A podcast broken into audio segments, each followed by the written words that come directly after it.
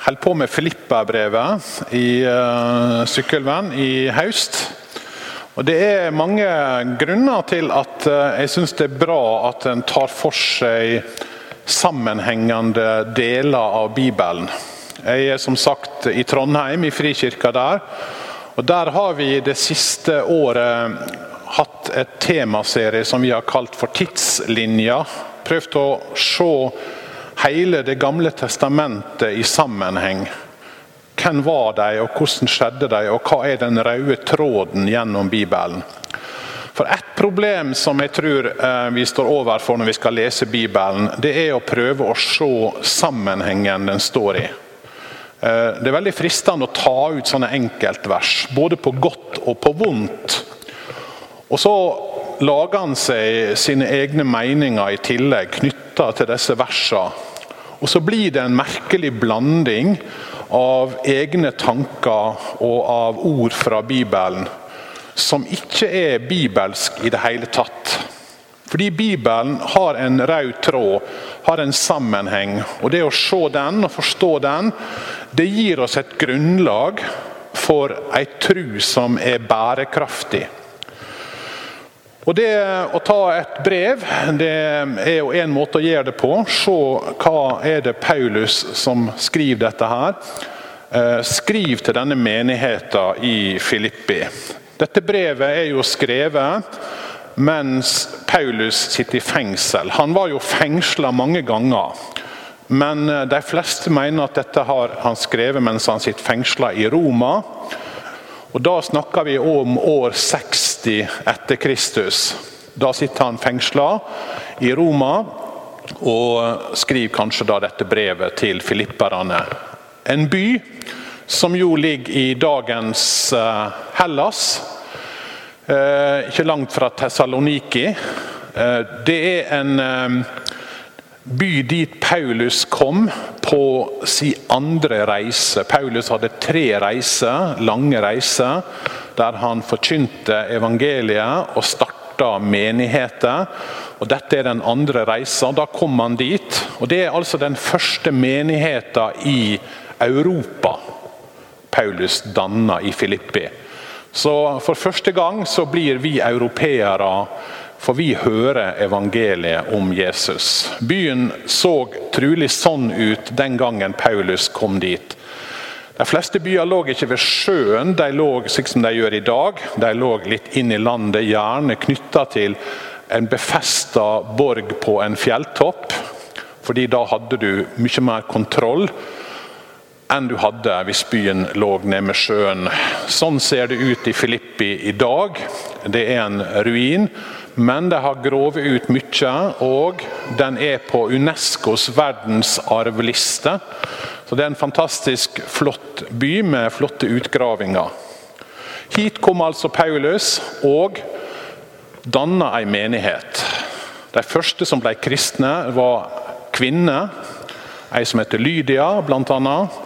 Og Så ble det en menighet, og så skriver altså Paulus da dette brevet litt senere til disse folka som han kjenner og som han har vært i, og til den menigheten han starta. Så Vi er kommet til kapittel tre. så vi er På baksida av, av arket står teksten. Den kommer også på veggen, men her leser vi da det som er dagens avsnitt. Jeg mener ikke, sier han, at jeg alt har nådd dette, eller at alt, eller alt er fullkommen men jeg jager etter det for å gripe det, for jeg er sjøl gripen av Kristus Jesus. Mine søsken, jeg tror ikke om meg sjøl at jeg har grepet det, men ett gjør jeg. Jeg glemmer det som ligger bak, strekker meg fram mot det som er fremmedfor, og jager mot målet, mot den sigersprisen som Gud fra det høye har kalla oss til i Kristus Jesus. La oss se, på, se det på denne måten, alle vi som har nådd fram til mognad. Og er det noe de ser annerledes på, skal Gud òg åpenbære dette for dykk. La oss bare, så langt vi er komne, holde fram i samme sporet. Følg føredømmet mitt, søsken, og se opp til de som lever etter det førebildet de har i oss. For jeg har sagt dykk mange ganger før, og nå sier med tårer i øynene mange lever som fiender av Kristi kross. Fortaping blir utgangen deres, magen er guden deres. I skam setter de sin ære, og de søker bare det jordiske. Men vi har vår borgerrett i himmelen, og derifra venter vi Frelseren, Herren Jesus Kristus. Han skal omskape denne veike og skrøpelige kroppen vår, og gjøre han lik den kroppen han sjøl har i herligdom, for han har makt til å legge alle ting under seg. Slik lyder Herrens ord. Paulus sier jeg har ei tilgitt fortid. Jeg kan legge fra meg det som er bak. Paulus var jo en forfølger. Han satte folk i fengsel, sørga for at de ble drept. Han sier om seg sjøl jeg, jeg var den største av alle syndere. Men han møtte Jesus, fikk oppleve nåde, tilgivning. Han kunne legge fortida bak seg. Og så har han et håp for framtida. Det er ikke bare dette livet. Jeg er på vei mot et mål, mot en sigerspris som Gud har kalla oss til. Og Det at han både kan legge av seg fortida, det at vi har ei tilgitt fortid og et håp for framtida, det gjør livet her og nå meningsfylt.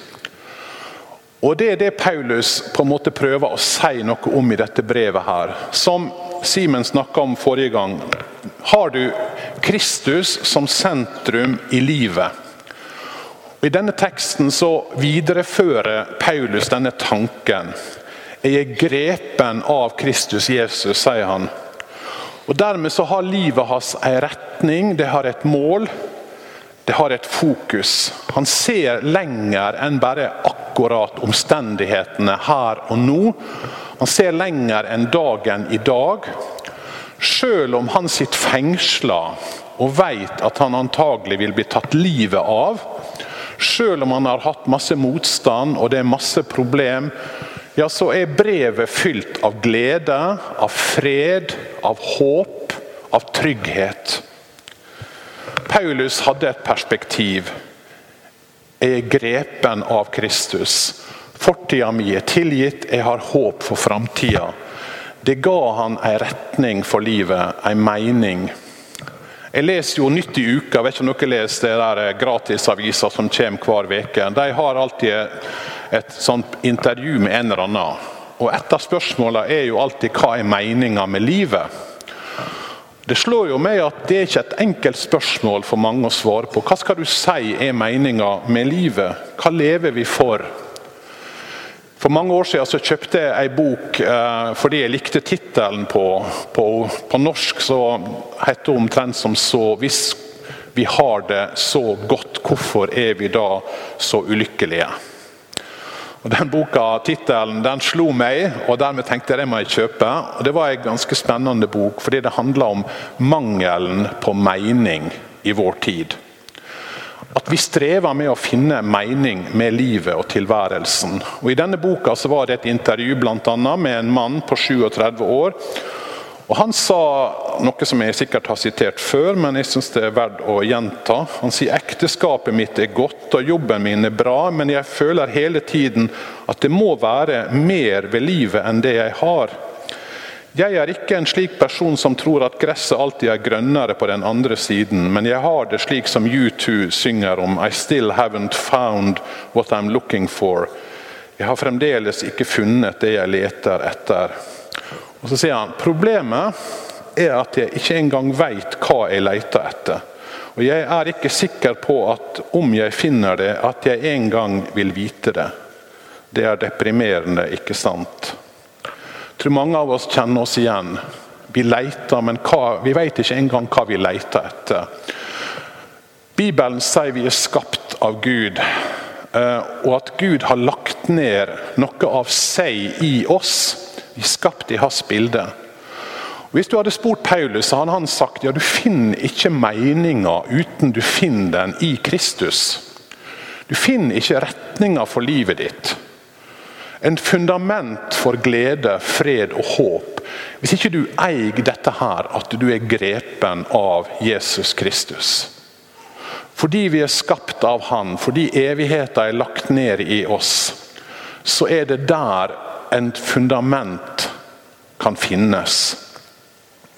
For meg er livet Kristus, sier Paulus, og døden ei vinning. Og Dermed har han ei retning for livet. Han har et mål. Bringe Kristus fram til andre mennesker. Han har en seierskrans som venter på han. Og Det gir Paulus denne tryggheten som gjennomstråler hele Filippa-brevet. Et, et brev som jo mest handler om fred. Mest handler om glede. Kaller det for gledens brev. Skrevet altså fra fengselet der han sitter lenka til romerske soldater. Paulus hadde funnet den fundamentet for dette her. Til tross for motstand, tross for strid, til tross for at han vet at han trolig kommer til å bli drept, og det ble han jo i Rom. Nå vil jo vi også ha trygghet og glede og fred, men vi vil jo helst ha det i tillegg til et behagelig liv. ikke sant? Altså Et behagelig liv og i tillegg fred og glede og håp. Paulus han sier at det er ikke sånn. Det er en kamp. Det er noe du jager etter, det er noe du strir for. Dette er ikke noe som bare kommer dalende av seg sjøl. Paulus han bruker mange ganger dette her bildet. Han sier at det evige livet det er verdt å kjempe for. En gang så snakker han i Korinterbrevet om å sammenligne det med de som springer på stadion. De som trener, idrettsfolk. Spring sånn at dere vinner prisen. Alle som er med i kampleikene må nekte seg alt. De gjør det for å vinne en forgjengelig krans, men vi for å vinne en uforgjengelig. Så springer jeg ikke uten mål, jeg er ikke som en nevekjemper som slår i løse lufta. Det dette perspektivet som vi finner igjen i det avsnittet vi også leste. Jeg jager fram mot målet. Jeg kjemper for det. På samme måte som en idrettsmann ikke kan bare tenke at ja, nå skal jeg ut og vinne en seierskrans, men jeg trenger jo ikke å trene. Jeg trenger jo ikke å øve. Jeg kan bare nyte livet og ete så mye jeg vil, og, og, likevel gå ut og vinne. Sånn er det jo ikke, sier Paulus. Og sånn er det heller ikke med det evige liv. Det er noe som må gripes. Det er noe som kjemper for. Vi springer ikke uten mål, sier han. Det kan altså koste å vinne denne seiersprisen. Kanskje det koster å bekjenne Jesu navn. Når folk spør deg ja, hva tror du på, så koster det kanskje av og til å si jeg er en kristen. Jeg tror på Jesus. Det kan koste å si når du blir spurt hva gjorde du i helga. Ja, jeg var på gudstjeneste. Det koster av det som, å ikke bli fylt bare av det som er enkelt, det som er lettvint. Hva fyller vi livet våre med? Paulus han snakker i dette her avsnittet om noen som lever som fiende av Kristi kors. Og Da tror ikke jeg han snakker om folk som er hedninger eller som aldri har hørt om dette. her. Jeg tror han snakker om folk som har vært kristne, men som har blitt så opptatt av mat, av lyste, av sex, av makt, av ting som på en måte får plassen framfor Gud i livet deres, at de til slutt blir fiender av Kristi kors. Og Han sier det med tårer i øynene. Trolig er det fordi at det er folk som han kjenner, som har vært kristne, men som ikke er det lenger. Og Det er jo det som er problemet med de gode gavene Gud gir oss, at det, det, er jo ikke sånn at det er noe galt i mat eller i sex. Tvert imot, det er Guds gode gave. Men hvis de blir så viktige for oss at de tar den plassen som Gud skulle hatt, så blir de det som Bibelen kaller for avguder. Avguder er selvsagt ikke sånne små statuer borti ei krå i stuene våre. Men det er det vi setter vår lit til. Det er det som får betydning for oss, det som får vekt. Det som får Vi setter på en måte vårt håp til her i dette livet. Og Det er oftest gode ting, men som får en plass som er større enn Gud. Paulus skriver om dette her, om de som har vært truende, men som ikke er det lenger. Fordi fokuset har blitt de ytre tinga, materielle ting, jordiske ting. Han sier en annen plass en som var en av hans etterfølgere, en som heter Demas. Så skriver han at han forlot, han, han forlot trua fordi han fikk denne verden kjær. Og Det er det Paulus utfordrer filipperne til. Bli med i dette løpet, bli med i denne kampen, fordi denne seiersprisen er verd å kjempe for. Den er verd å ta vare på. Ta vare på trua deres, sier han egentlig. Ta vare på forholdet deres til Gud, slik at ikke andre ting får ta den plassen i livet deres at dere til slutt har glemt Gud. Det er en fransk forfatter som heter George Bernanot. Han har skrevet noen flotte bøker, men i en av dem så sier han dette at eh, man mister ikke troen. Den opphører ganske enkelt å forme ens liv. Det er ganske Det er bra sagt. Fordi trua er ikke noe du liksom ja, Nå skal jeg slutte å tro. Det er ikke sånn det skjer. Men den slutter bare å påvirke oss og prege oss og forme oss. Og til slutt så er den borte, uten at vi ante det. Arild han eh, snakka mange ganger om dette med daglig omvendelse. Når jeg jobba med Arild, så var han en av de som minte meg på akkurat det flotte uttrykket. At det, det handler faktisk om en daglig vandring sammen med Gud. Fordi vi er på vei til et mål og Det er det Paulus også, når han sitter i fengsel, sier Jeg tenker ikke at jeg alt har nådd dette her. Han kunne ha sagt nå jeg begynner jeg å trekke på åra. Ja, jeg begynner å jeg har gjort mitt, nå får andre overta. Han sier ikke det. Han sier jeg jager fram, jeg kjemper. Jeg er med fordi jeg vil vinne dette målet. Og For Paulus handler det ikke bare om å begynne det gode løpet, men det handler om å fullføre det. På en konfirmantpreike jeg holdt her, så noen har kanskje hørt det her før, så fortalte jeg om en som heter John Stephen Aquari. Han er fra Tanzania.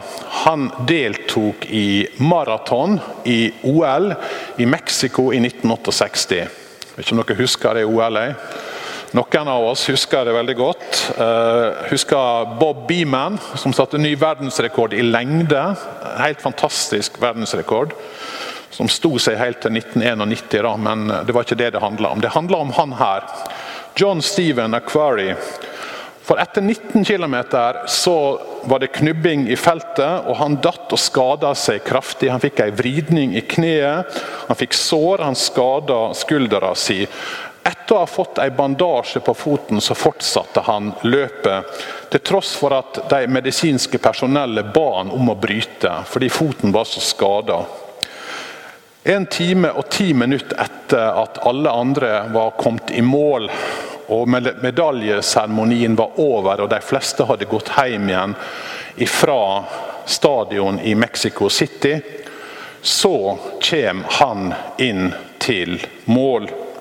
Og et TV-team ble sendt ut fordi det gikk rykte om at eh, en løper var i ferd med å komme i mål. Og de filma han de siste meterne inn på stadion.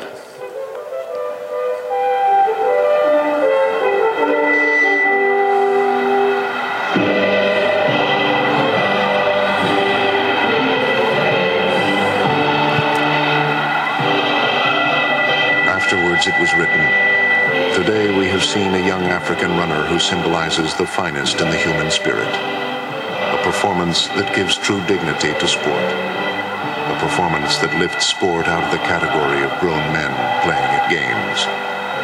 A performance that gives meaning to the word courage. All honor to John Stephen Aquari of Tanzania. Perhaps the words of John Stephen Aquari epitomize all that is right in the human spirit. When asked why he did not quit, he said simply, My country did not send me 5,000 miles to start the race. They sent me 5,000 miles to finish the race.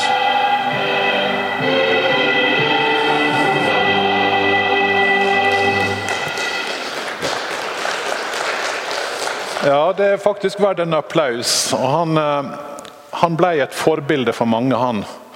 Og Det som han sa når han ble intervjua hvorfor, hvorfor, fortsatte du, sa de, når du var så skada? Så svarte han det her da landet mitt sendte meg ikke 15 000 km for at jeg skulle starte løpet, men de sendte meg 15 000 km for at jeg skulle fullføre. Og Hvis Paulus hadde vært her i dag, så hadde han sagt til oss fullfør løpet.